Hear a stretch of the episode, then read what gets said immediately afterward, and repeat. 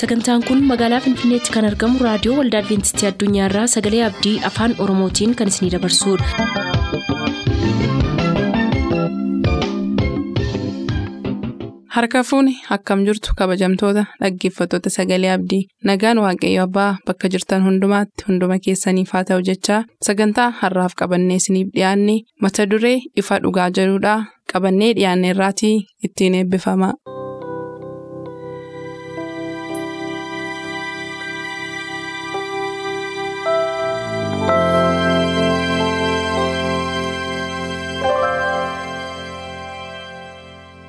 Ifa dhugaa.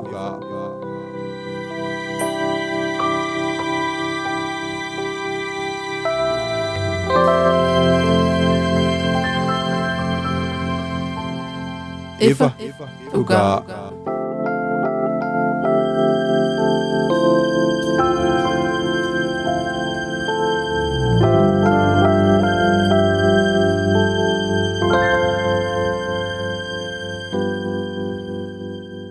Nagaan keenya jaalalaaf kan kabajaa bakka jirtan maratti isiniif baay'atu jaallatamoo dhaggeeffattoota keenyaa akkam jirtu. Kun qophii ifa dhugaatii karaa sagalee abdii torbanitti yeroo tokko kan isiniif darbu.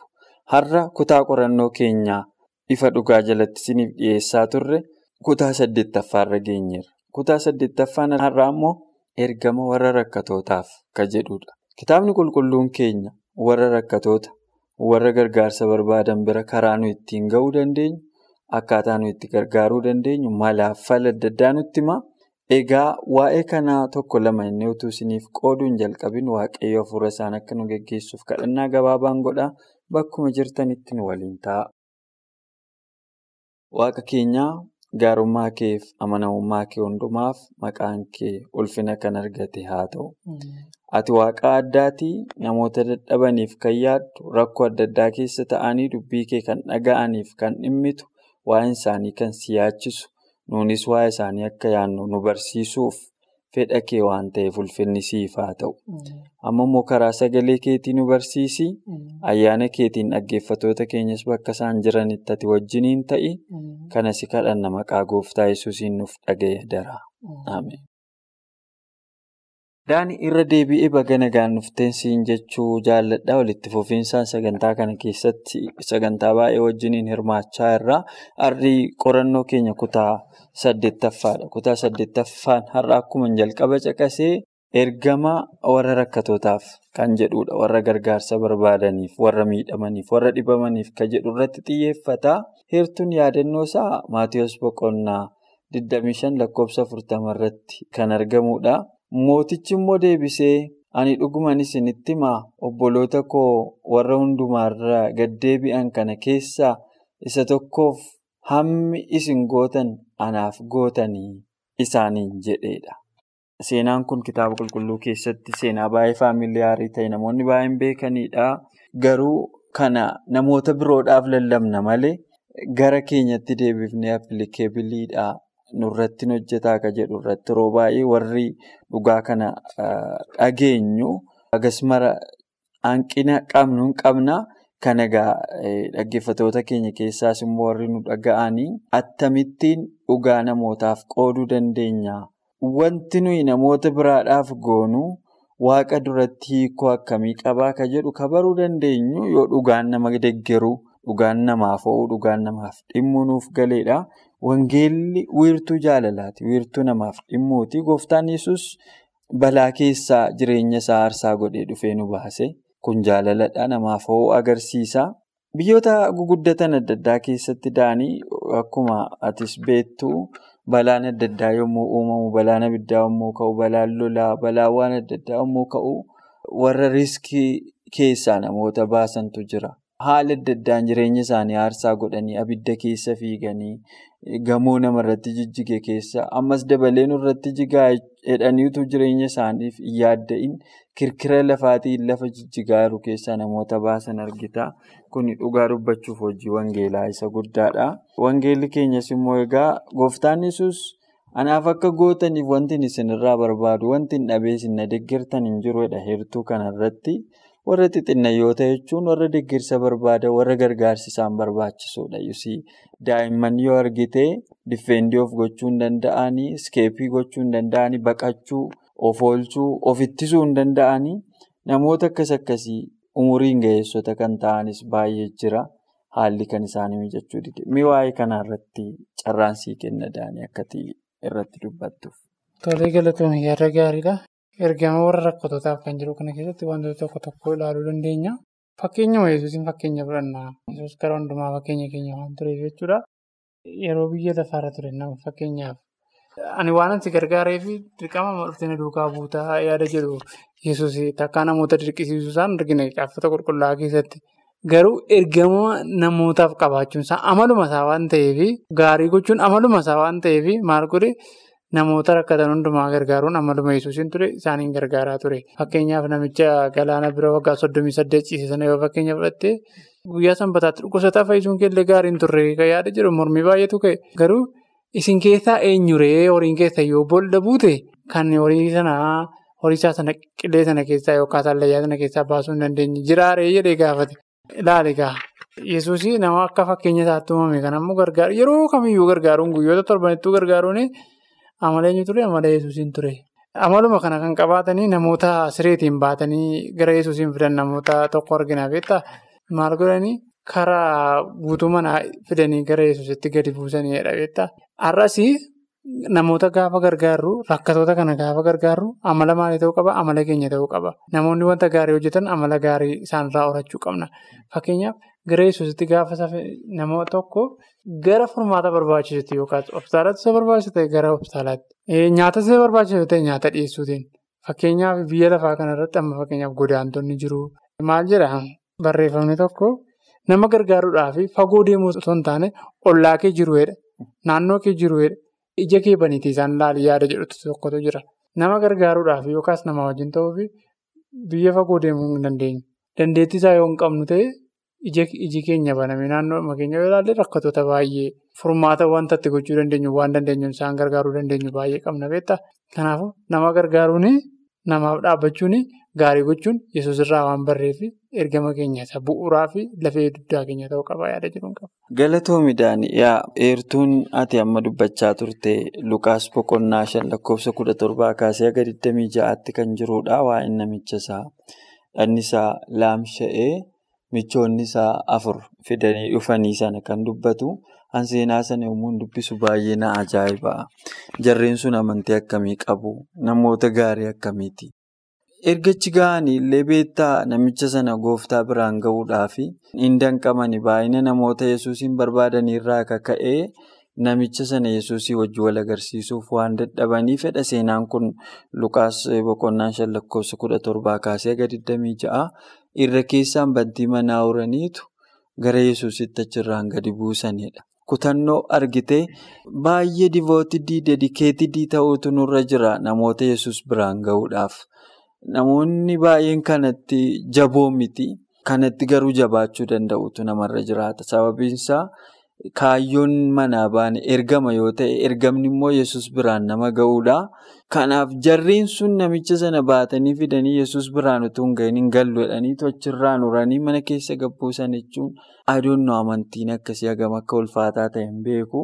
Namooti baay'een mana akkamiiti ka jedhu gaaffii sammuu isaaniitti uumamuu danda'a. Mana akkamiisa ta'u garuu namni karaa na dhorkee jedhanii itti bahuu yoo dadhaban dunkaanallee yoo ta'e muka yaabdee achirraan keessaan gadi buusuuf michuu kee tokko fayyisuudhaaf aarsaan ati kaffaltu waaqa biratti guddaadha. Egaa har'a yoo sanaan ilaallee nama meeqatu laamsha'ee jira ollaa keenyaa?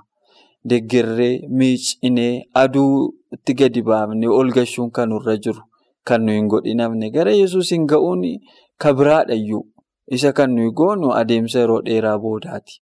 Akka namaatti namicha addunyaa kanarratti namni Heenerii Duunaa jedhamu First Aid kan jedhamu jira wal'aansa yaala fayyaa keessatti.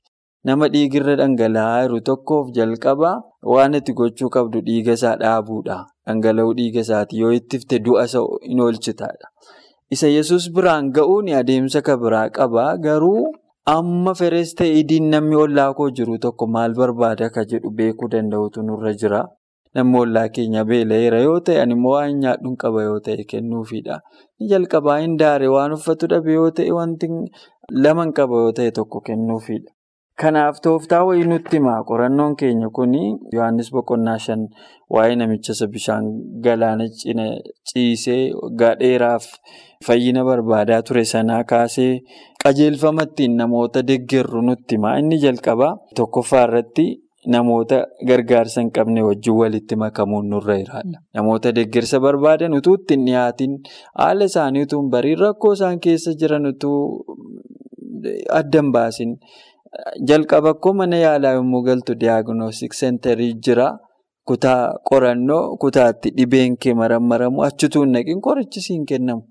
Jalqaba namicha kanatti dhiyaattee maal dhabe maal barbaada maaliin deeggaruu danda'an immoo maaliin qaba wanti ittisa deeggaru kan jedhu qorachuutu nurra jira. Inni lammaffaa immoo gara laafinatti agarsiisuudha.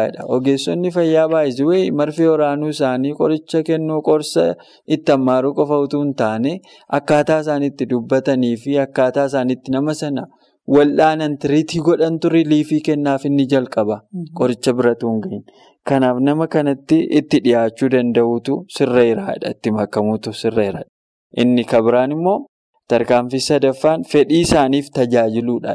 Fedha jara sanaa intarestii isaanii waa isaan dhaban ammatti amma wanti barbaachisaan amma Daani'el barbaadu maali? Hin beela'e moo wangeelatti lallabuun narra jira?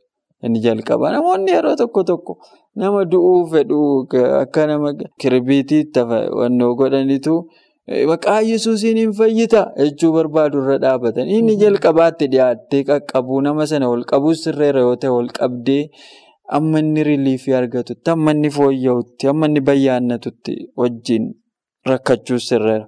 Tarkaanfiin afuraffaan immoo namummaa isaanii ofitti harkisuudha.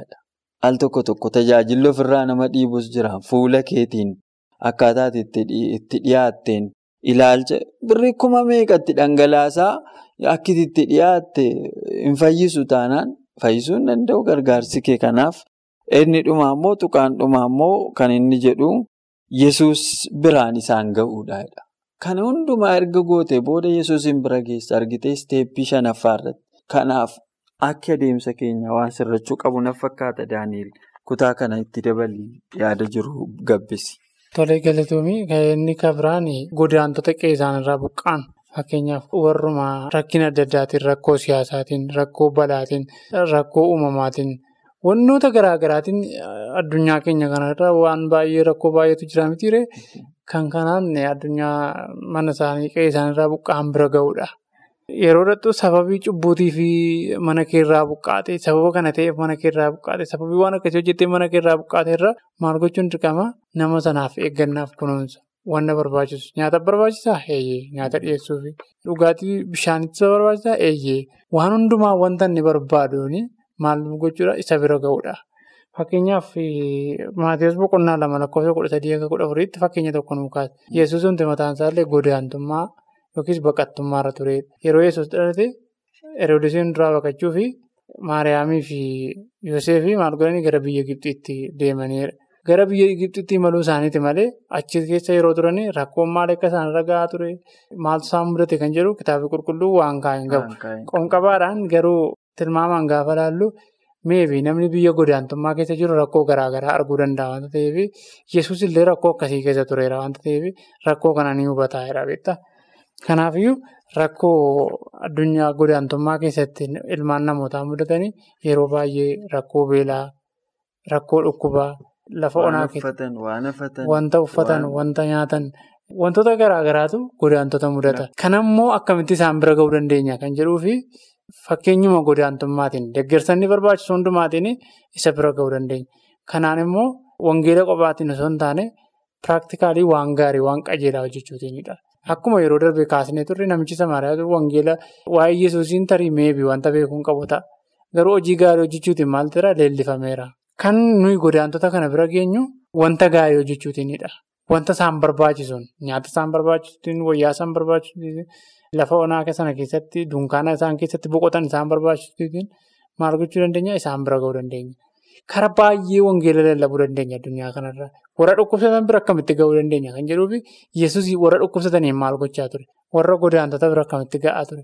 Karaa hundumaa Yesuus nama tureedhamini karaa hundumaa ilmaan namaatiif fakkeenya gaarii ture. Isarraa waan baay'ee barachuu dandeenya jechuun barbaada. Galatoomi Daanii dhugaa dubbachuuf bara kana keessatti yeroo waa'een buqqaatummaa waa'een godaansaa kun dubbachuuf sitti ulfaatu keessa jirra. Tarii waaqayyoo namoota kan arginee callifne carraa kana fayyadamee namoota kana dhaga'an hundaaf dhaamsa dhaamuun barbaada.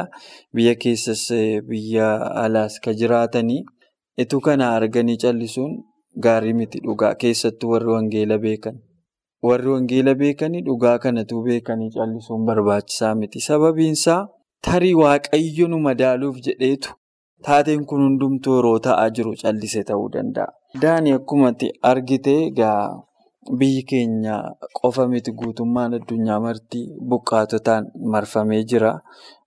Namoonni buqqa'an immoo akkuma tamma argite inni kaan qoricha barbaada, inni kaan waan uffatu dhaba, inni kaan waan nyaatu dhaba. Inni kaan fayyaansaa miidhame inni kaan sitti himuu hin danda'u wanti dhalli namaa mana isaarraa buqqa'e lafa isaarraa buqqa'e barbaadu ibsuun hin danda'amu. Haa ta'u malee garuu waanuma xinnoo ishee wanta gochuun sirra jiru gootee innaan isa kaan waaqayyoof dhiisi. Waanuma akka dhala namaatti gochuun sirra jiru gochuun sirraa eegama. Kutaataanu jalatti miidhamtoota gargaaruu kanaan wal qabsiisee gooftaan yesuus gochaa kana gochaa turedha. Haa ta'u malee yeroo gochaa kanaan deeggarsa godhuudha. Eenyufaa sababii inni kana godheefiif akka fayyan beekuu dhiisuu danda'a yeroo sana. Sababiinsaa fayyaniiru ta'ee hin dhiisanii konserniinsaa jarri kun mootummaa koo argatan duuka buutuu koo ta'an naana jaallatan natti tuuta'anii adeeman. Hedhee miti kaayyoonsaa. Fakkeenyaaf waan tokko fakkeenyaa fudhatte warra lamxiitiin qabaman namoota kurnan sana gaafa fudhattu. Eenyu deebi'ee dhufee galateeffate? Nama tokko qofatu dhufee galateeffate. Warra salganii hoo? Hin jiran. Fayyaniiru.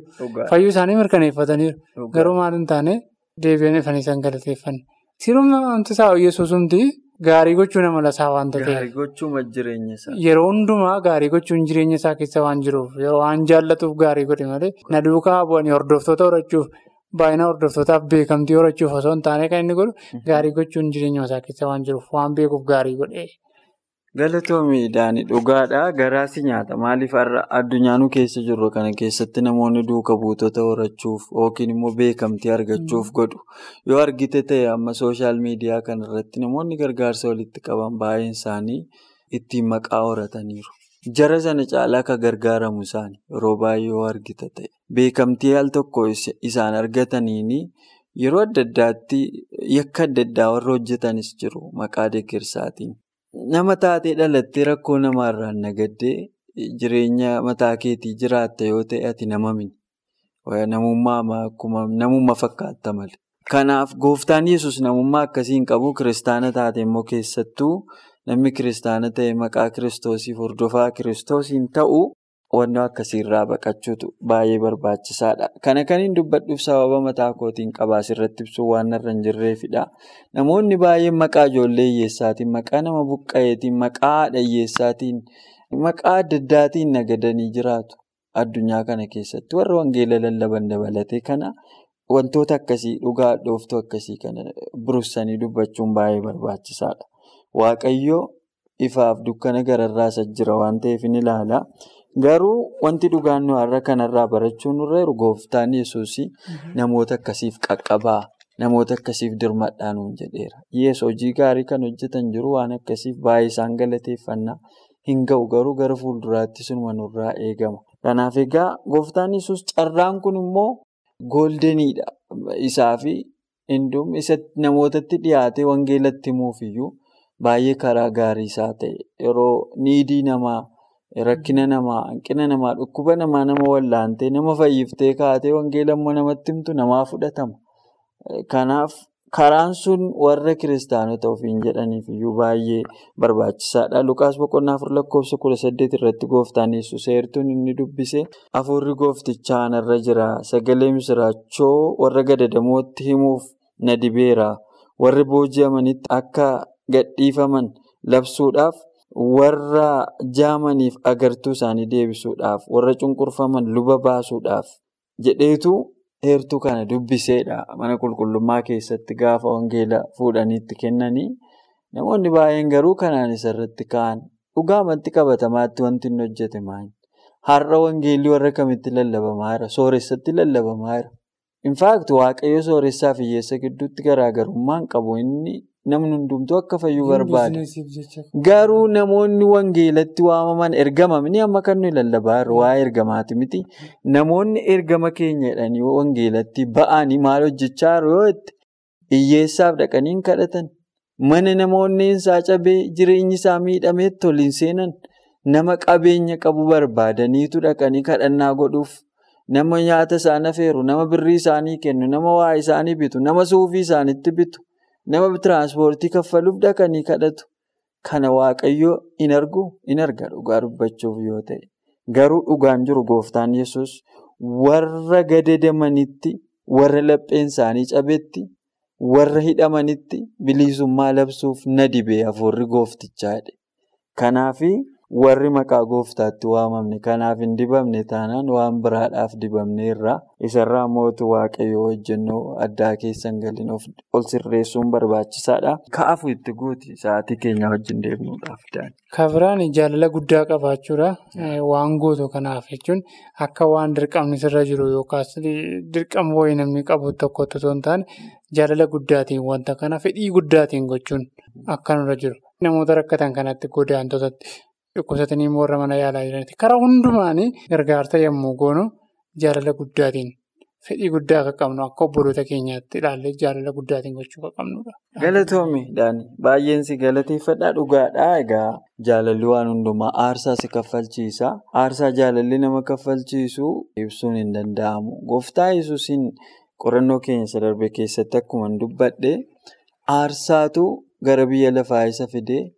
Ulfina qabu isa dhabsiisee qabsoo hadhooftuu sana hunda kaffalee akka inni nuun badiisa keessaa oolfatu nu godhe. Karaa inni irra deeme kana hundarra tarkaanfachuutu nurra jira. Maqaa kiristaanummaatti waamamnuuf dirqama guddaadha egaa of eeggannoo guddaadhaan socho'utu nurra jira. Warra rakkatan bira ga'uutu nurra jira. Warra godaanan qubsiisuu fi tursiisuu danda'uutu nurra jira. Kanaaf. Gooftaan yesus karaa hundumaa obboleessa sanyii namaatiidha kitaabni qulqulluun. Ari'atamuu argeera, dhiphina argeera, godaanuun dhiphinni even yeroon umurii daa'imummaa isaatiitti sarara ga'e arge. Kanaaf daa'immoota buqqa'an haadha hiyyeessaa, haadholii, abbootii mana isaaniirraa buqqa'an hin hubata. Nunis immoo akka inni gargaarsa godhuuf kadhannaa keenyaan isaanii wajjin taanaa waan dandeenyu gochuu akka dandeenyuuf waaqayyo nama gargaaru. Turtii kee hedduu galatoomii daanii egaa jaallatamoof kabajamoo dhaggeeffatoota keenya qophii keenya har'aaf jenne asirra goolabna. Kanaaf yoo waaqayyo jedhe kutaa salgaffaa torbee isinii qabannee dhiyaanna amasitti nagaannuuf tura. Qophii keenya har'aatiin akka eebbifamtaan abdachaa yeroo xumurru beellamni keessan nu waliin haa ta'u.